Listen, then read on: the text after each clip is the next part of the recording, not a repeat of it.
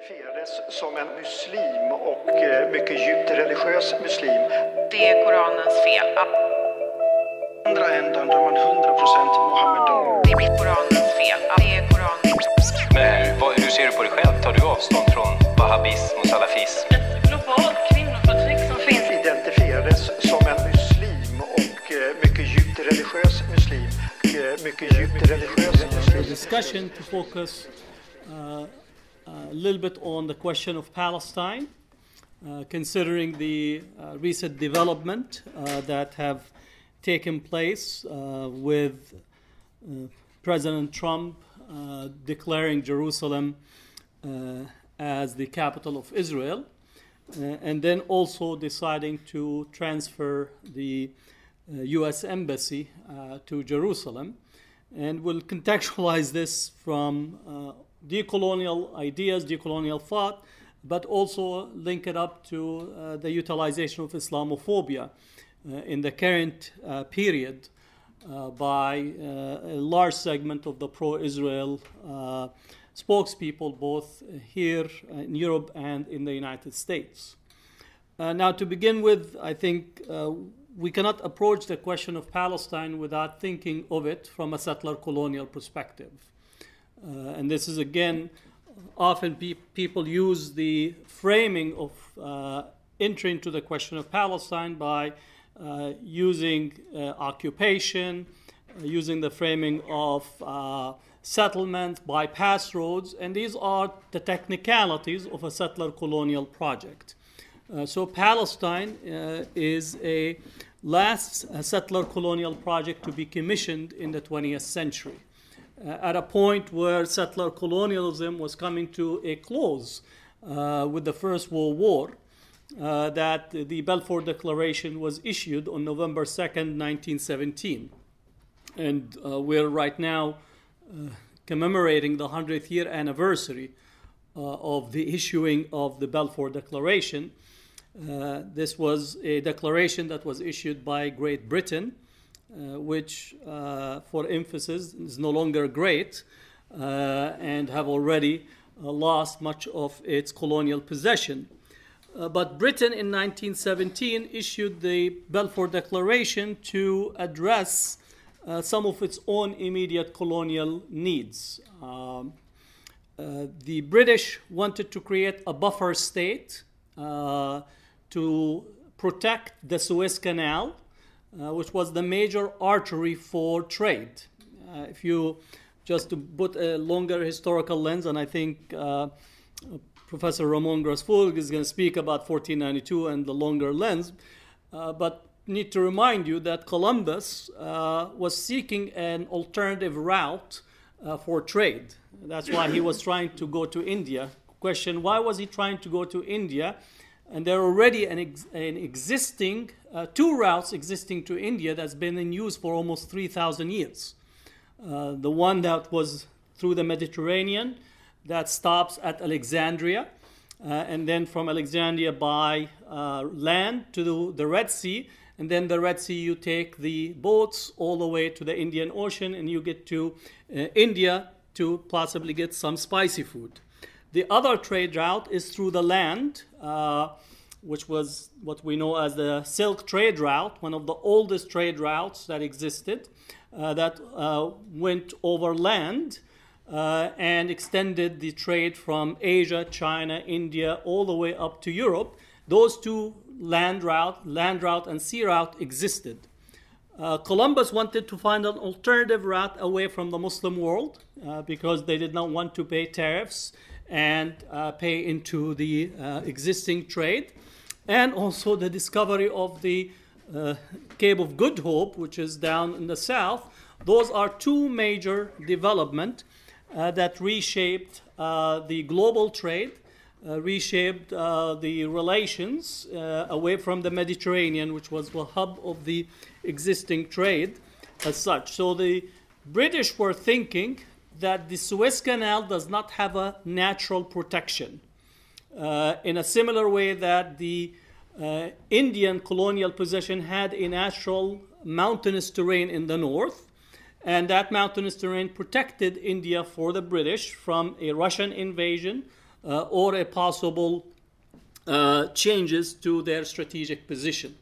And for those who are familiar with the British Russian uh, tension, what's called the great, the big game, uh, through the 18th century and 19th century, the British and the Russians were fighting over Afghanistan. Uh, and today we have the new great game, the new big game in Afghanistan. They're still being played by different uh, actors. The United States, India, China, and Russia are still uh, playing the same uh, big game in, in terms of possessions. So the issuing the Balfour Declaration was specifically to secure a buffer zone around the Suez Canal for the British uh, to secure their territory. And remind you that the French and the British were competing for Egypt for a long period of time. When Napoleon came to uh, conquer Egypt in the later part of 1797, uh, in a matter of few years, the British came and uh, defeated uh, Napoleon's fleet right on the coast of Egypt. So that was the major motivation of the British uh, relative to the Balfour Declaration.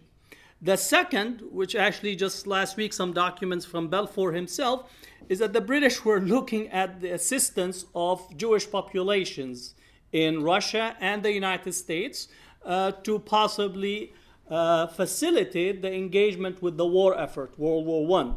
Uh, this is in 1916. The Russian had a revolution, and they were actually stepping out of the World War One, and uh, the British were seeking some support in terms of uh, the uh, Jewish population, and the Zionists actually uh, offered themselves to be amenable to assisting getting both the Russians and also possibly the United States committed to World War One. So, in essence, they were looking at facilitating a much more or rapid success uh, to the war effort. Now, from the British, a third internal dynamics for the British is also they, they had what's called the Jewish question or the Jewish problem. Uh, Balfour himself was heavily, heavily anti Semitic. Uh, many of the British political elites were heavily anti Semitic. There was a migration of Eastern Jewish population into Western Europe, including in London, in the later part of the uh, 1800 into the 20th century and the British were thinking of how to actually solve the Jewish question. Now, and here, let me step aside anyone that frames an ethnicity or religious group as a question, uh, meaning that they have a racist question themselves. So the question is not a Jewish question, it's a European question. Meaning the Europeans were, had a problem and continue to have a problem even to the present day, which actually can get us into the Muslim question today, right? You always say about the Muslim question, and anyone that phrases a, the Muslims as a question, basically they have, uh, they have to go through 12, a 12 step program to undo the racial uh, structure because the problem is in them, not in the Muslim subject, no matter how difficult the Muslim subject it is, including thinking in relations to the Muslim subject who possibly is acting violent. Right? The individual violent act should not be used to project on everyone. Right? So again, uh, uh, Balfour himself was heavily anti Semitic and basically sought, uh, in issuing the Balfour Declaration with the British government, uh, to solve and possibly transport Jews from Europe into Palestine. And therefore, you could strike uh, two camels with one stone, not two birds with one stone. Right? You get the strategic position of, the, uh, of Britain in uh, Palestine and you remove the Jewish population from England as well as the rest of Europe, and they become beholden to you. So, again, striking these two uh, uh, uh, uh, objects or two goals simultaneously.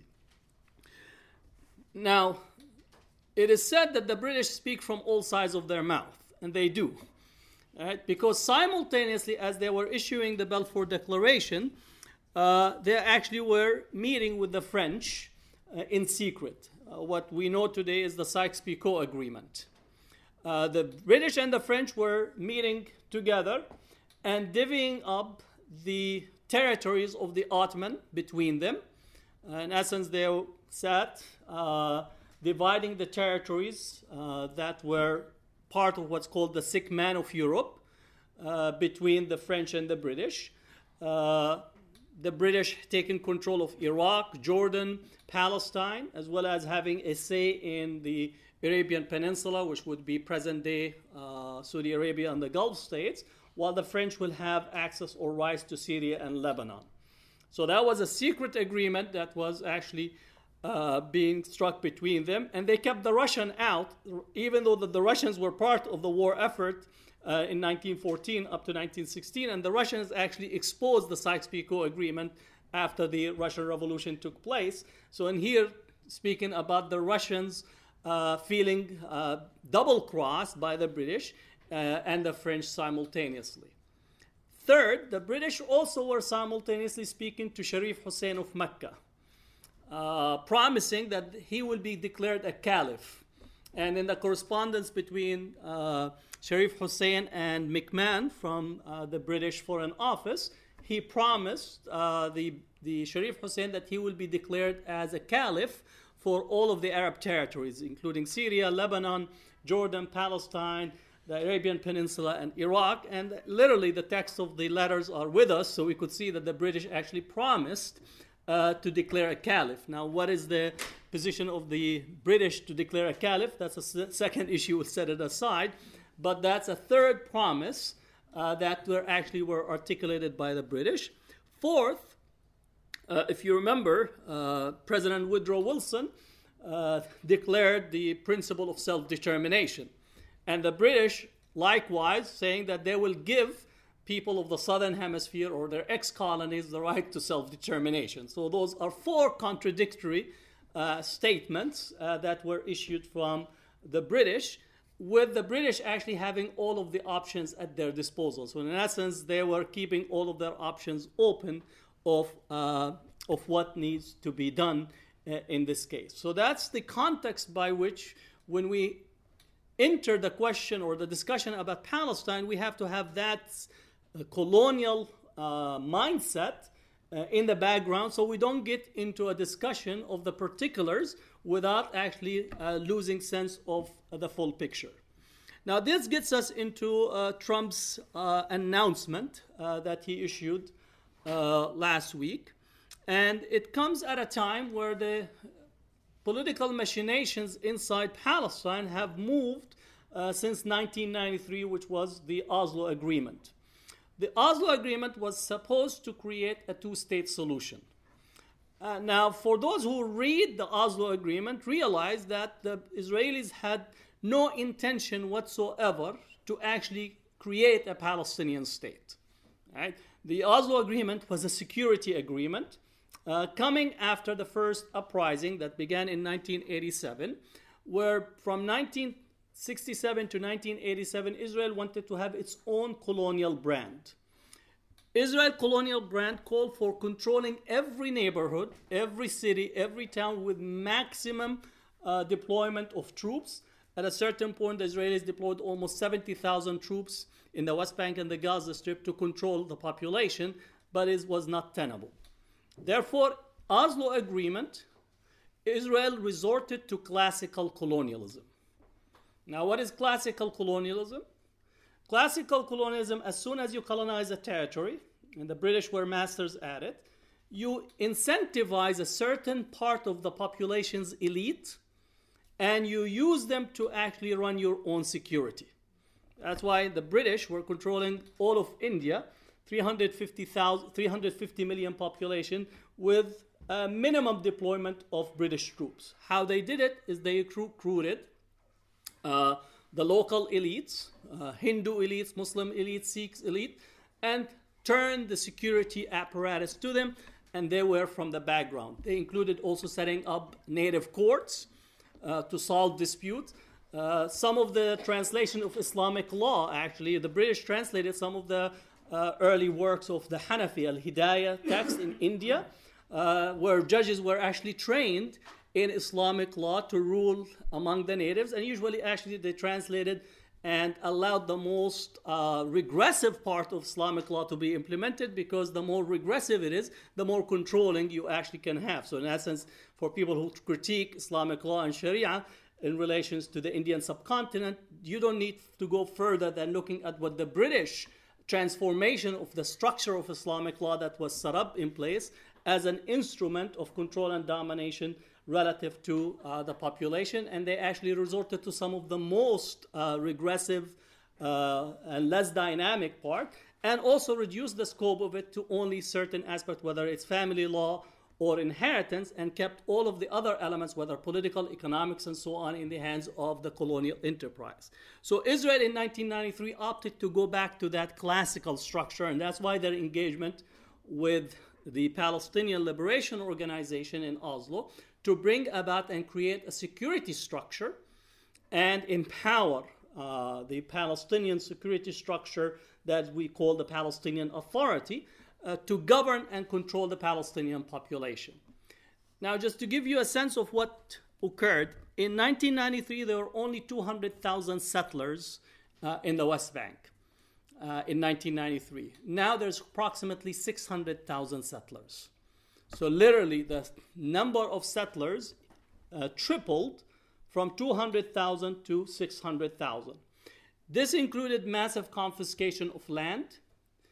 Palestinians lost more land during the peace process from 1993 till now than what the, than the period they lost from the actual direct occupation 1967 to 1993 so in terms of the footprint between 1993 they signed the oslo agreement till 2017 they lost more land as a result under the peace process uh, than what they lost under the actual direct occupation.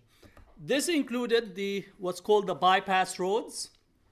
Uh, as part of the uh, Oslo Agreement, uh, a whole network of bypass roads were set up where it's only settlers only roads, where Palestinians are not allowed to roads, and the settlements are connected together in this road network and then connected to Israel proper, 1948.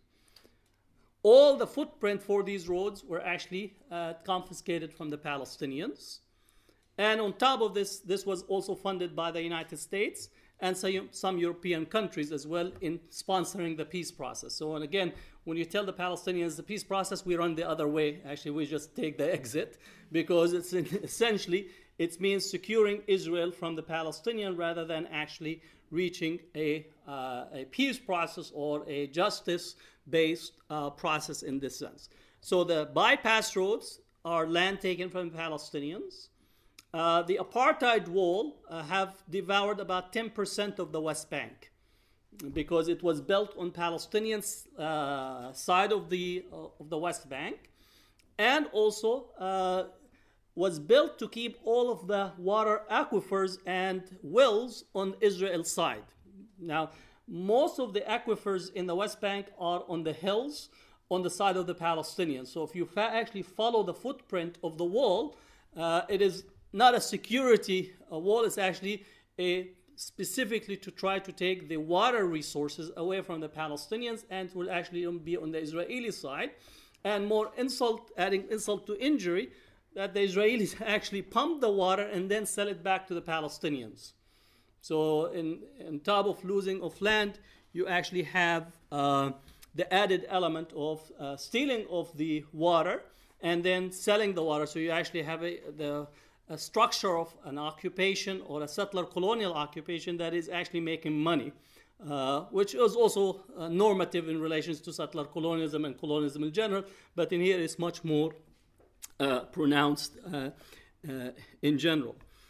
So the movement of the embassy culminates a process where the United States has been supposedly the honest broker. And uh, I say in here the term honest broker is a broker, but honesty has nothing to do with it right? Because the United States aided and abetted uh, Israel, uh, have uh, vetoed almost 68 resolutions in the United Nations Security Council to protect Israel, uh, have constantly supported and protected Israel in international settings.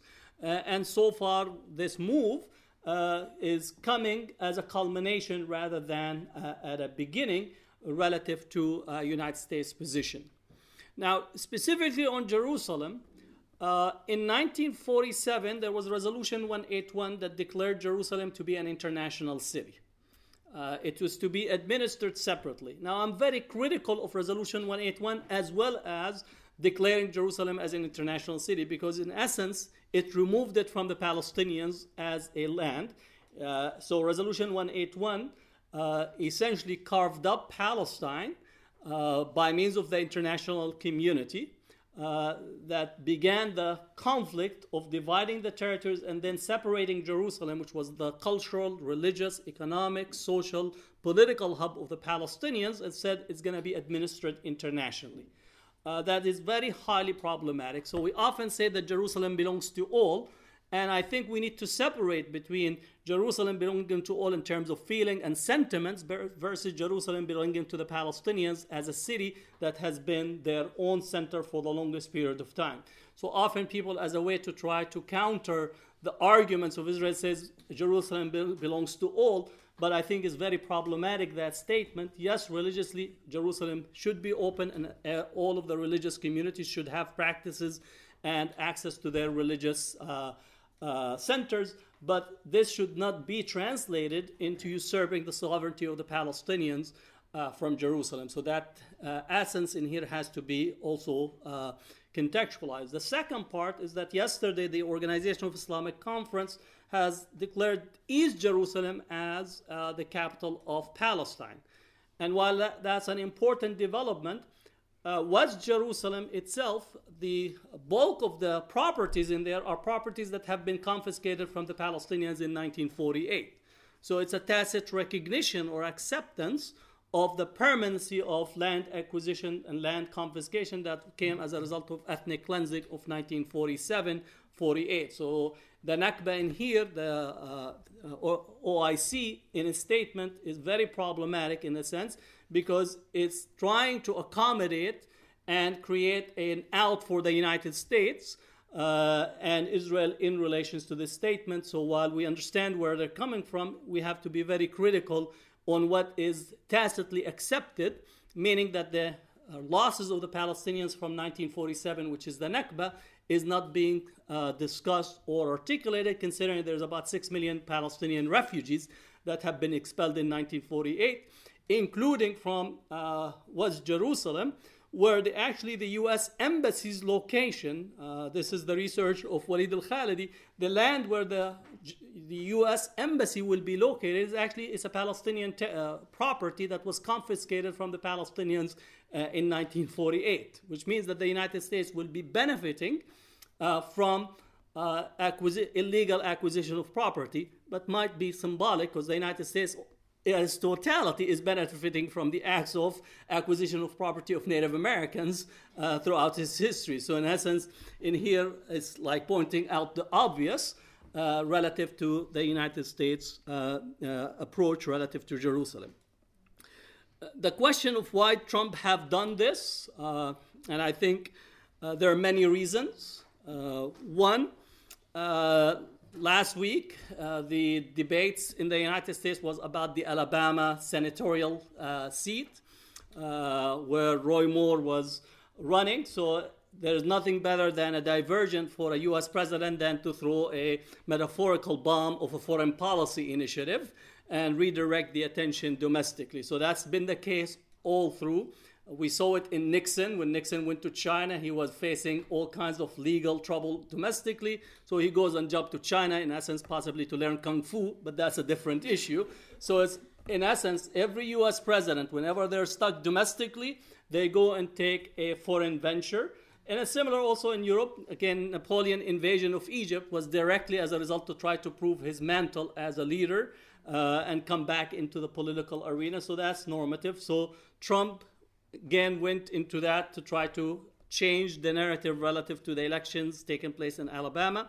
Second, in the US right now, heavy focus on the sexual harassment cases. Uh, Trump himself having uh, 19 women that have accused him of sexual harassment. Uh, and in this sense, also to divert uh, the attention from uh, that possibility of a focus on sexual harassment cases and in essence, he could re uh, jump in front of the storyline in order for him to uh, control the news and begin to be uh, in front of the news rather than behind it. The third possibility also that the Russian investigation is intensifying as well, uh, with already one uh, uh, grand jury indictment to General Flynn, and it looks like possibly his own uh, son was subject to an intense uh, investigation in Congress at the same day that he actually declared Jerusalem as the uh, capital of Israel. His own son was facing eight hours of investigation in Congress. And there was nothing in the news about his son uh, going through in front of the committee for eight hours, and all the news was about his statement of Jerusalem, which all indication that there was no discussions, debate, or policy discussions about this move uh, relative to Jerusalem, such a monumental uh, decision. Uh, to not go through any part of a process of deliberation and discussion shows that it's actually being motivated uh, by uh, something else. So, in here also the Russian investigation plays into it. lastly, again, Trump is beginning to position himself for possibly another run in the 2020 election and the midterm election uh, likewise is important for him. So there's, in essence, an, attempt to try to brush his credentials and uh, all indications against the U.S. political landscape that uh, commitment to Israel is one of the most important uh, political articulations that uh, can be there. He could also consolidate his support from the extreme right wing uh, which has uh, already committed itself to Israel, but also can shave some base of support from the Democrats uh, because he jumps ahead of them in terms of who actually has more support for Israel in this sense. He could actually goes out to the electorate says all of the Democratic presidents have said they're going to move the embassy. I'm the only one that have done it, and in this sense he would be correct. So the Democrats don't have a counter to this. Uh, so in this sense, he wins the Israel Olympics uh, within the United States political landscape. So those are his motivations uh, of what is occurring. In the Arab world, unfortunately, uh, there are some also that are acting and uh, possibly co- cooperating with uh, Trump and the Israelis on this. I, I, don't know if you noticed yesterday there was a, a story that came out uh, that the Saudis were pressuring both Mahmoud Abbas uh, uh, in the West Bank and the Palestinian Authority, and King Abdullah of Jordan uh, not to participate in the OIC summit. Uh, and it also said that uh, the, king, uh, the Crown Prince of Saudi Arabia actually was trying to incentivize and to offer Abbas a, a considerable package, financial package, if he would accept what is being proposed in, by the Israelis and the Americans. So, in this sense, there is an alignment that are being created in the region uh, with Israel, Saudi Arabia, Gulf states versus Iran. And in this sense, Israel becomes an important uh, counterbalance and a hegemonic power in that alignment. So I think also in here the domestic landscape within the Arab world uh, and the confrontation that is being fought relative to Iran uh, is also being played out from uh, the Israel's, the Israeli side and the Saudi side in terms of this new uh, alignment that is being shaped uh, at this per, at this particular time. What we've been trying to uh, call attention to is again is to approach Palestine from a decolonial lens and emphasize that Palestine is facing a settler colonial project. And this is part of the machinery of settler colonialism that we need to be aware of that the Palestine settler colonialism is connected to a regional configuration that comes out as a result of the First World War. All the conflicts in the region are directly connected to the First World War. Right? We still have not overcome the Sykes-Picot Agreement. Right? All of the borders in the regions are the direct outcome of the Sykes-Picot Agreement. There are more we more have to do with Sir Percy Cox having more to do with relations between Arab countries than anyone else. Right, so the borders that are crafted are specifically crafted as an outcome or byproduct of the Sykes-Picot Agreement, and that conf- those conflicts are being stoked, continue to be manipulated, and continue to be uh, regulated by uh, the Sykes-Picot Agreement, and that's a settler colonial project that emerges at the end of uh, uh World War One and also comes as a result again of you, uh, the U.S. inheriting or, if in essence, participating uh, in the post-World War I crafting of the region.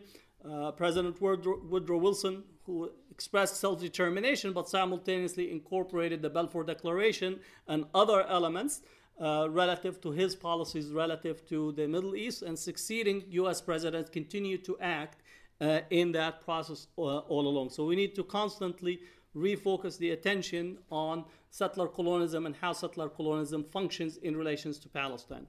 The last part is how we actually look at the current uh, configuration in the region. Uh, important, yesterday the OIC said that the key uh, uh, issue or conflict in the region is the Palestine conflict.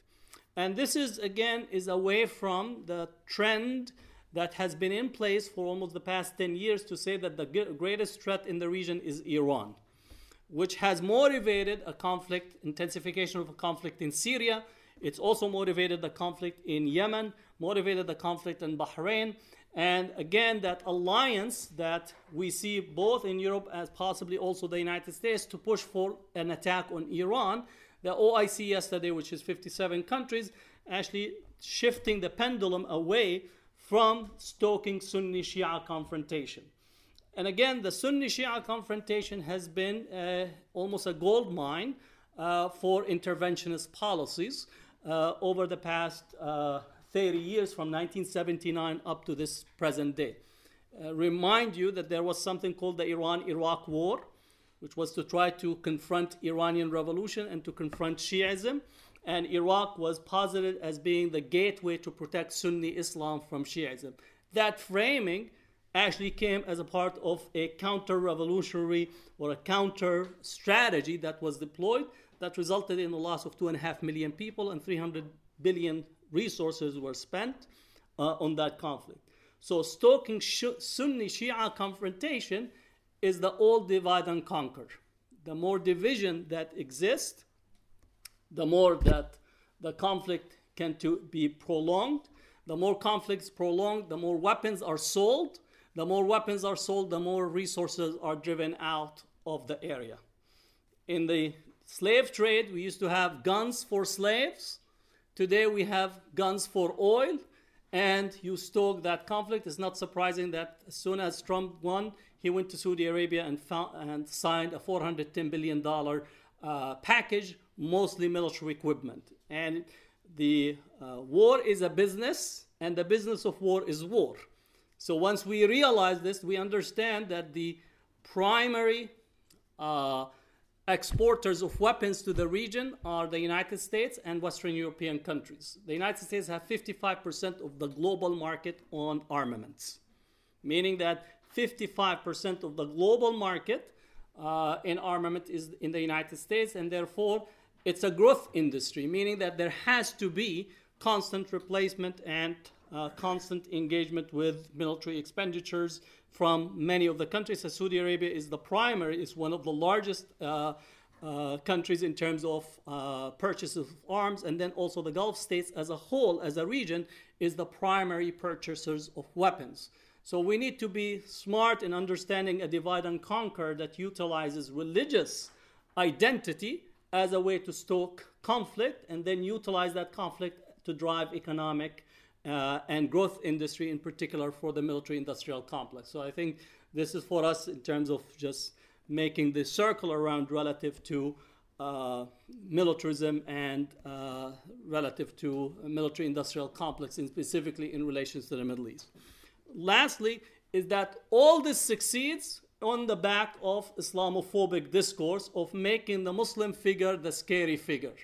So now you don't need to explain anything. All what you just say, Islam, and that's it. Everybody suspend their intelligence. Uh, that even if your car breaks down, you open the engine, you say there's a Muslim in the engine, and that explains everything. You no longer have to look at what VW have done with their uh, cheating of the smog. You don't have to look at uh, faulty equipment. You just say it's a Muslim and that's it. Everybody suspend. You no longer have to have investigation. Right. And if you have a problem with your wife or husband or uh, your brother, say, say it's a Muslim that is insinuating, and that's it. So And again, it makes it possible so we no longer ask the questions of what are the stimuli that is driving the policies. And on the back of the scary Muslim figure, we have maximum intervention, maximum securitization, that you go and buy a cup of coffee and your picture is taken 24 times. I guess the uh, cup of coffee must be a threatening uh, enterprise in this sense. So again, Islamophobia becomes the patsy to sell all of these policies and suspend people's engagement from rational discourse of what is taking place. And I think we see uh, this discourse occurring in general, whether it's in Europe or the United States. So thank you for listening. Som en muslim och eh, mycket djupt religiös muslim Det är Koranens fel.